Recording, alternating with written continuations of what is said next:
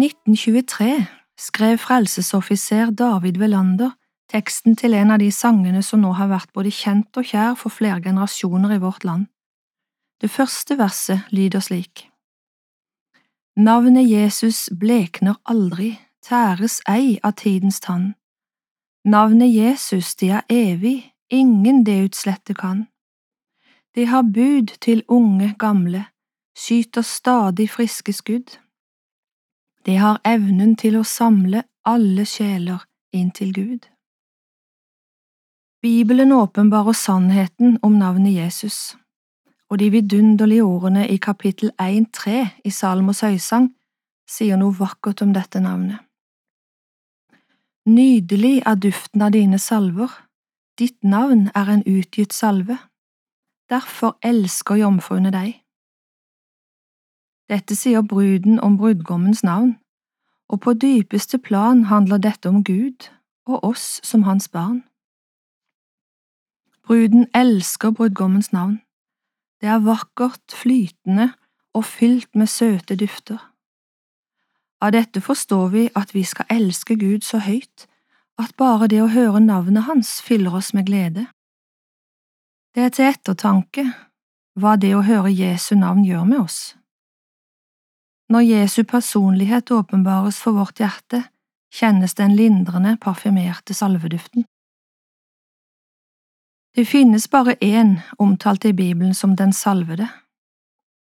Han sier om seg selv, gjennom profeten Jesaja, i kapittel 61.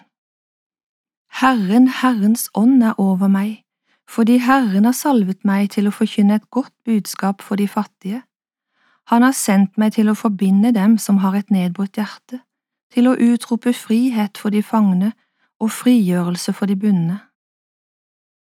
Og vi hører i Lukas 4,18 at Jesus selv siterer nettopp disse ordene i Nasarets synagoge. Han har sendt meg for å forkynne evangeliet for fattige, han har sendt meg for å forkynne for fanger at de skal få frihet, og for blinde at de skal få syn, og for å sette undertrykte fri, for å forkynne et nådens år for Herren, sier Jesus her. Gjennom Peters store bekjennelse i Matteus 16 får vi igjen bekreftet hvem Jesus er. Jesus sier til disiplene sine, Men dere, hvem sier dere at jeg er? Da svarte Simon Peter og sa, Du er Messias, den levende Guds sønn. På det hebraiske språket har navnet Masiach, eller Messias, med olje å gjøre. Det betyr den salvede han som er salvet med olje. Salve eller balsam var en ettertrakta vare i oldtidens Midtøsten. Vi hører i fortellingen om Josef i første Mosebok 37 at det kom et reisefølge med kjøpmenn fra området Gilead i Israel, med krydder og balsam som de tenkte å selge i Egypt. Balsamsalve var svært ettertrakta på grunn av sine spesielle legende egenskaper og på bibelsk tid var dette en samlebetegnelse på aromatiske olje- og harpeislignende stoffer fra mange trær og planter.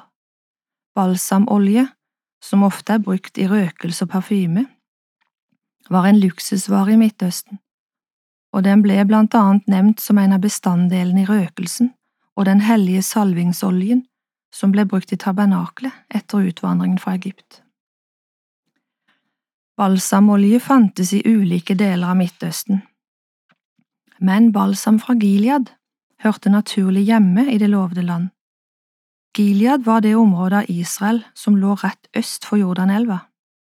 Patriarken Jakob regna balsam som en av landets beste varer, og i første Mosebok 43,11 sendte han det som gave til farao i Egypt. I oldtidens litteratur nevnes ofte balsamens helbredende og styrkende virkning, særlig i forbindelse med behandling av sår. Det finnes ett navn som er balsamsalve for det sønderknuste og nedbrutte hjertet. For han ble såret for våre overtredelser, knust for våre misgjerninger, straffen lå på ham for at vi skulle ha fred, og ved hans sår har vi fått legedom, leser vi i Jesaja 53. Jesus sår ble legedom for våre sår. Hans navn er den legende balsamsalven, som gjenoppretter vår ødelagte stilling, og som åpner veien inn til Faderens hjerte for den som vil ta imot denne gaven ved å si ja til Jesus. Jesus sa i Matteus 9 at det er ikke de friske som trenger til lege, men de som har ondt. Og i Jeremia 30, 17 finner vi et rikt og mektig løfte. For jeg vil gi deg helsen tilbake og lege dine sår, sier Herren.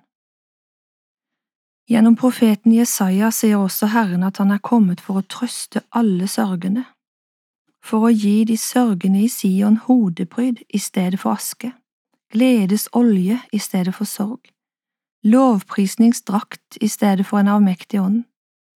De skal kalles rettferdighetens terabinter, Herrens plantning til hans ære. Jesu navn, hvor skjønt det klinger, la det runge over jord. Intet annet verden bringer håp og trøst som dette ord. For det navn må hatet vike, for det navn må ondskap fly. Ved det navn skal rettferdsriket skyte friske skudd på ny. Navnet Jesus må jeg elske, det har satt min sjel i brann. Ved det navnet fant jeg frelse, intet annet frelse kan. Amen. Det var Eva Solli Flå som delte Guds ord med oss i dag i serien Over en åpen bibel. Den produseres av Norea, og du finner et rikholdig arkiv av andakter på norea.no.